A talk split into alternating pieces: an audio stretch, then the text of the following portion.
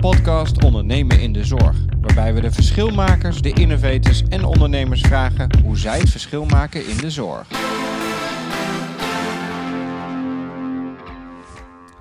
Ja, welkom bij de eerste podcast. Ik ben Jetro Hardeman, innovatieadviseur, trainer en spreker in de gezondheidszorg. En spreek met mijn gasten over ondernemerschap, leiderschap en cultuur om te leren hoe we met z'n allen de zorg slimmer, beter en vooral leuker kunnen maken. En aangezien we vanwege de coronacrisis zoveel mogelijk thuis moeten blijven, is deze eerste aflevering gelijk anders dan anders. Want waar ik het liefst de mensen eigenlijk live spreek voor de podcast, moest ook ik me nu aanpassen aan de realiteit. En heb ik dus de eerste echte gast van de podcast telefonisch gesproken over hun succesvolle initiatief Koetjes en Kalfjes. Ik heb het dan over Leonor Wismans, die samen met Rosalie Zwart een initiatief heeft opgezet waarbij eenzame ouderen, de koetjes, gekoppeld worden aan thuiszittende studenten, de kalfjes. Laten we starten. Uh, welkom uh, Leonor.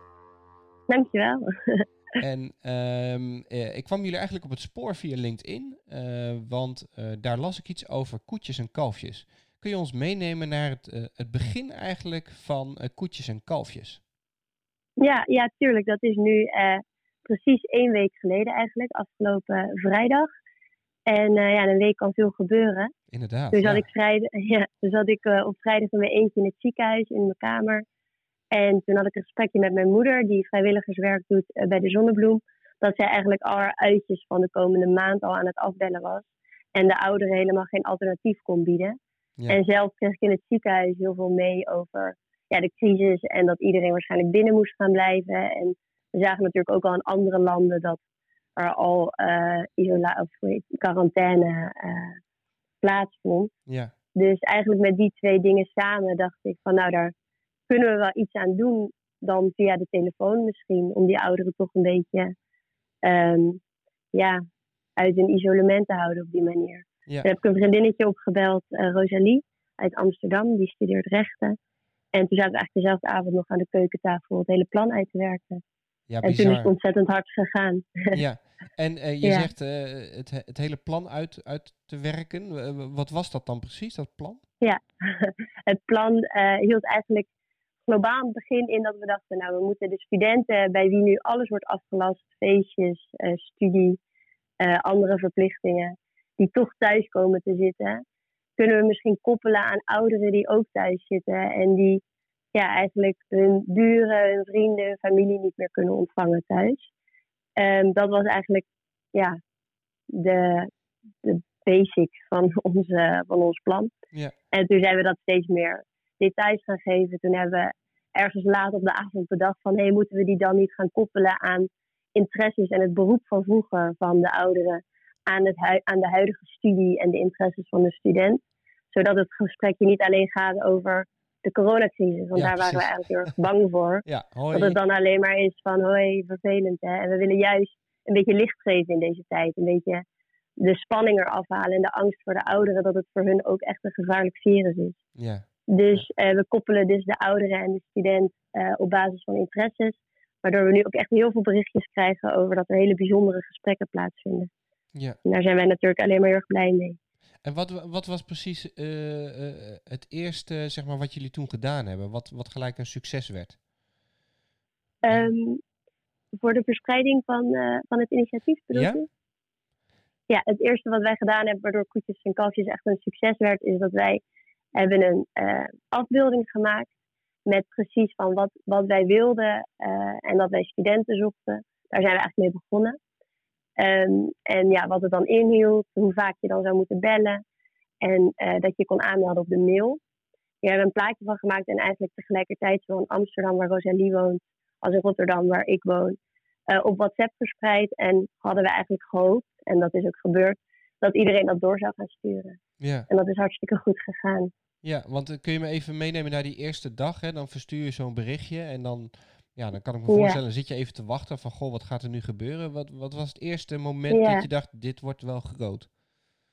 Ja, nou, we kregen in ieder geval in één keer heel veel positieve WhatsAppjes van wat leuk, ik doe mee. Maar toch merk je dan dat mensen niet direct zich inschrijven. Iedereen zegt leuk, ik Ja. doe mee. En daar houdt het vaak wel op en dan sturen ze het wel door.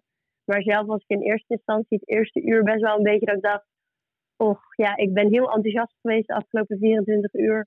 Maar is het wel een heel goed plan? Dan begin je toch een beetje aan jezelf te twijfelen. Mhm. En toen eh, kwam het eigenlijk op nu.nl. En kregen we steeds meer berichtjes van... hey, ik krijg net van een vriendinnetje uit Groningen of een vriendinnetje uit Tilburg do- iets door over jouw initiatief. Wat via WhatsApp op de een of andere manier daar in een, ja, in een tennisclubje is gestuurd of eh, waar dan ook. Dus eh, toen begon het echt heel erg op te leven bij iedereen. En begon iedereen zich ook aan te melden. Ja. Want eerlijk gezegd was onze mail de eerste, het hele eerste uur dat we het doorgestuurd hadden gewoon leeg. En was het toch echt wel heel erg spannend. En toen kwam er zo'n moment van oké, iedereen doet mee, iedereen is enthousiast. Ja, ja. En jij zegt eh, mail, hè? Eh, Jullie hadden dus een eh, oproep voor, om per mail aan te melden. Ja. Ja. trekken jullie dat nog een beetje? nee, ja, nou daar zijn we ook, daar hebben we heel snel van geleerd dat dat misschien niet het beste plan was. We waren best wel naïef. We dachten, nou, misschien willen wat vrienden meedoen. eh, die geven we dan snel op via de mail. Eh, maar toen stroomde de mailbox eigenlijk al heel snel echt helemaal vol. We kregen denk ik drie mailtjes per minuut. Dus dat was wel leuk om steeds te swipen, maar daar werd je eigenlijk ook wel heel erg zenuwachtig van. Toen heb ik eigenlijk heel veel vrienden, familie ingezet, Rosalie ook, om al die mailtjes te verwerken in een database. En ik doe zelf geneeskunde, Rosalie doet rechten. Dus we hadden allebei geen ervaring met hoe maak je dit automatisch, hoe hadden we dit beter kunnen aanpakken. Ja. Toen hebben we eigenlijk van anderen geleerd die meer studies doen die daarop gericht zijn. Van nou, als je een enquête stuurt of een aanmelding van mensen wil, dan kan je dat beter bijvoorbeeld via een Google Form doen of ja, Ja. iets anders. Dus die Ja. hebben we toen heel snel aangemaakt. En eh, nu gaat het allemaal, bijna allemaal automatisch. Ja. Ja. Dus dat is hartstikke fijn. En eh, kun je iets vertellen over de cijfers? Eh, hoeveel mensen hebben zich aangemeld? En, Ehm, we hebben nu meer dan duizend studenten die eh, willen bellen. zo. en meer dan 100 ouderen. Dus we hebben wel ongeveer een verhouding steeds van tien keer zoveel bellers als ouderen. Ja. Maar we hebben dat, heel veel eh, eenzame, eenzame jongeren blijkbaar. Dat, Ja, ja. Die en behoefte vaak hebben aan een met de, ja. Nou, dat is heel grappig, want wij bellen de ouderen soms wel eens op, eh, een paar per dag, van hé, hey, weet je, hoe vindt u het, Eh, bevalt het? En dan horen we heel vaak van de ouderen een heel lang verhaal over de jongeren, van ach ja, die arme meid zit alleen thuis, want haar werk eh, is afgezegd. dat wij vaak ook vragen van, hé, hey, maar kunt u ook wel een beetje uw ei kwijt? En dan zeggen ja hoor, ja hoor. ja. Maar de ouderen zijn eigenlijk vaker ook voor de jongeren, wat wel heel grappig is om te zien. ja. Niet wat je in eerste instantie denkt. Nee, nee. En dat is wel grappig. Nee. Hè? Van tevoren heb je een soort gedachte van hoe het zou lopen, maar dan, Ja. dan blijf je toch verbaasd dat het eh, eh, heel anders kan gaan. Ja. en je vertelde net iets over eh, dat jullie er naïef waren ingestapt. Mhm. Ehm, Hoe hebben jullie dat aangepakt? Want ik denk dat naïviteit ook wel goed is, anders dan begin je er misschien niet eens aan. Maar ehm, wat zijn jullie dan allemaal tegengekomen waarbij je dacht, oh, dit moeten we echt even snel anders aanpakken? En ja, ten eerste waren we maar met z'n tweeën. We hadden met z'n tweeën opgezet. En we, hadden, we hebben het eigenlijk zo snel opgezet dat we het aan niemand echt verteld hadden. We hebben de website gemaakt. Daar zijn we tot diep in de nacht hebben we daaraan doorgewerkt. Ja, Toen is Rosalie terug naar Amsterdam gereden. En toen begon eigenlijk het hele circus. ja, Dus achteraf hadden we misschien beter eerst al een team kunnen maken van... hé hey jongens, hoe gaan we dit doen? Ja. In plaats van achteraf van... hé, hey, wil je alsjeblieft helpen? Want, want we hebben eh, een mailbox met eh, zoveel Ja. honderden mails. ja, ja. En ja, en dat we iedereen via de mail hebben laten schrijven, is natuurlijk ook eh, lastig. Want daardoor kon je ook niet meer echt filteren van wat is een mediasite, wat is een zorginstelling die ons wil benaderen, of wat is gewoon een aanmelding van iemand die graag wil bellen. ja.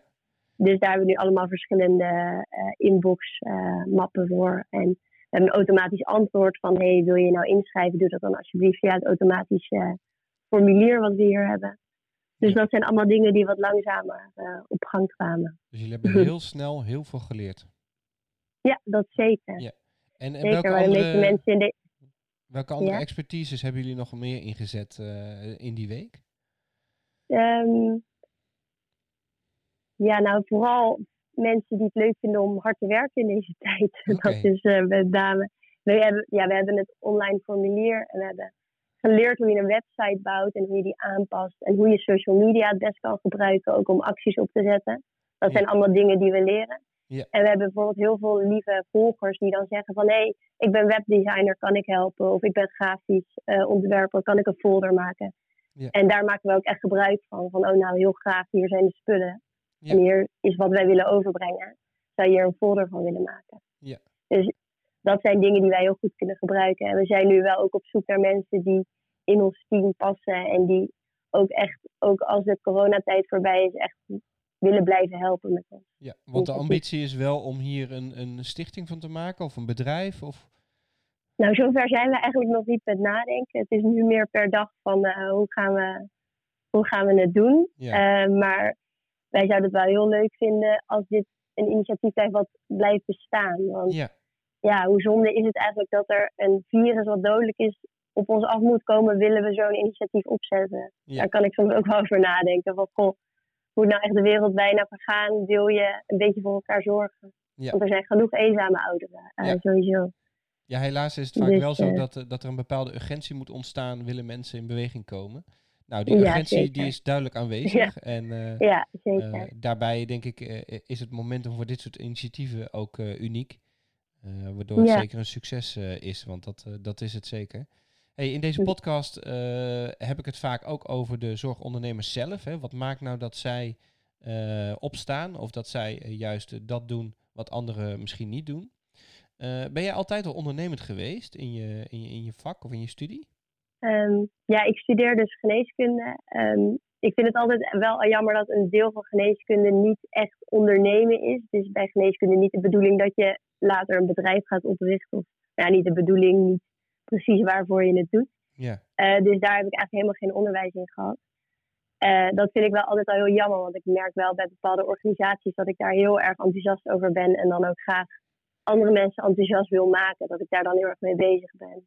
ja, En daarnaast ben ik ook wel iemand die elke week een app verzint en dat dan aan tafel vertelt van hé jongens, ik heb wat bedacht, moeten we hier wat mee doen? En dat ik het dan google en dat het al bestaat. Dus dat is helemaal niet erg. Maar dan, maar ik ben daarmee bezig. Dat Ja. wel. En is het, want je zegt eigenlijk al, in de opleiding wordt er weinig eh, aandacht aan geschonken. Heb je het idee dat er in de zorg voldoende eh, ruimte is eigenlijk voor, eh, voor dit soort dingen? Voor ondernemerschap? Ehm, ja, ik, nou, het is zeker nodig, meer ondernemerschap. Maar ik denk dat voor de artsen zelf, dat je heel erg bezig bent met de dingen die op de dag zelf spelen. Dus de patiënten die je binnenkrijgt, de administratieve dingen die moeten gebeuren. En dat je daardoor bijna niet meer aan, toekomt aan het punt waar je denkt, oké, wat zie ik nou gebeuren en wat wil ik eraan doen en hoe gaan we dat aanpakken. Ik denk dat daar heel weinig, ja, weinig tijd voor overblijft eigenlijk. Ja. Ja. En ehm, jij vertelde al dat, eh, eh, dat je wel vaker een, eh, een app had bedacht. Ehm, Ja. Wat zijn de dingen waar je tegenaan loopt, waardoor dat geen succes wordt en dit wel? Ehm, ja, vaak is het als ik iets bedenk, dan is het al lang bedacht. dat Oké. is eh, altijd een ding. Dan is het al uitgewerkt door iemand Ja. anders. Ja. Ehm, en nu, ja, nu is inderdaad wat, wat jij net zelf ook zei, de nood is zo hoog dat iedereen wil ook meedoen. Iedereen wil nu wat betekenen voor een ander. En ik denk, in het dagelijks leven heeft iedereen al genoeg aan zijn hoofd en zijn eigen dingen. Wat heel erg logisch is. Dat heb ik zelf ook. maar waardoor niet iedereen meteen staat te springen van, nou, je hebt een initiatief om mensen te helpen op deze manier. Ik doe met je mee. Omdat de dag vaak al vroeg genoeg zit van zichzelf. Ja. En dat is nu eigenlijk letterlijk weggenomen voor iedereen. Iedereen heeft duidelijk een, eh, een eh, prioriteit. Ja, zeker. En eh, ik wil graag ook nog even een aantal dilemma's voorleggen om te kijken hoe jij Mhm. daarin staat. Het zijn een viertal. Oké. Eerste is, ik ben vooral een zorgondernemer of ik ben een echte zorgverlener. Ik denk wel een verlener eigenlijk. Oké. De coronacrisis helpt mee aan digitale zorg of de coronacrisis benadrukt het belang van mensenwerk? Ja, beide mag zeker niet, hè? Nee, nee, nee, je moet kiezen. nee. Ik denk toch ook wel mensenwerk. Mensenwerk. Oké. Ja. De toekomst van de zorg wordt bepaald binnen de zorg of de toekomst van zorg zal ontstaan buiten de zorg? Oeh, ik denk binnen de zorg. Binnen de zorg, oké. Ja. En laatste, zonder organisatie geen innovatie of zonder innovatie geen organisatie? De tweede. De tweede.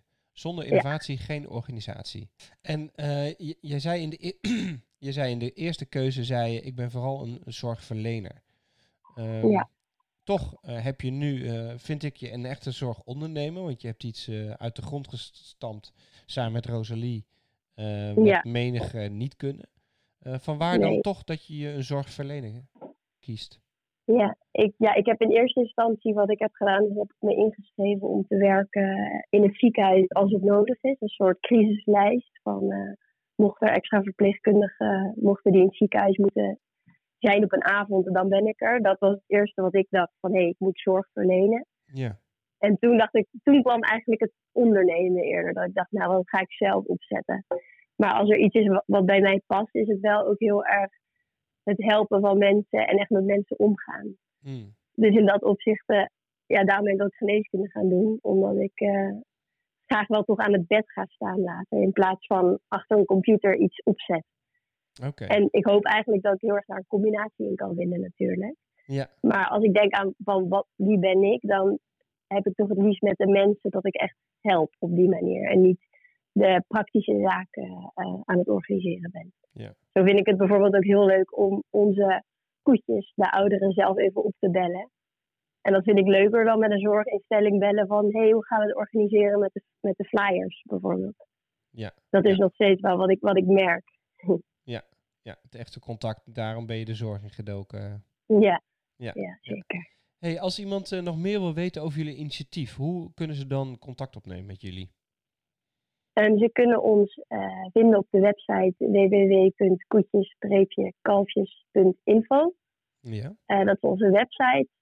En we hebben ook Instagram, Facebook, uh, dat wijst allemaal zichzelf wel, want dat is allemaal koetjes en kalfjes.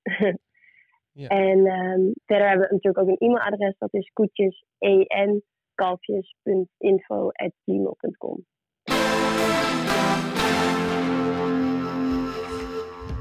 Dank jullie wel voor het luisteren naar de eerste podcast. Ja, de kop is eraf. De eerste podcast komt bijna ten einde. Maar niet voordat ik jullie nog even vertel wie er in de tweede podcast zit. Ik spreek dan namelijk met Mark Slager, een ondernemende apotheker die zijn apotheek snel gedigitaliseerd heeft en daarbij studenten inzet om medicijnen rond te brengen. Wil jij weten hoe je van een nood een deugd maakt? Luister dan ook podcast nummer duo. En mijn dank gaat naar Renger Koning, filmcomposer bij Soundbase BV en tevens eigenaar van podcasttunes.com. Hij heeft de muzikale basis gelegd voor deze nieuwe podcast, waarvoor ik hem erg dankbaar ben.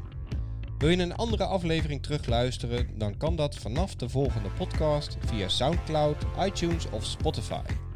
Tot de volgende keer en laten we met z'n allen de zorg slimmer, beter en vooral leuker maken.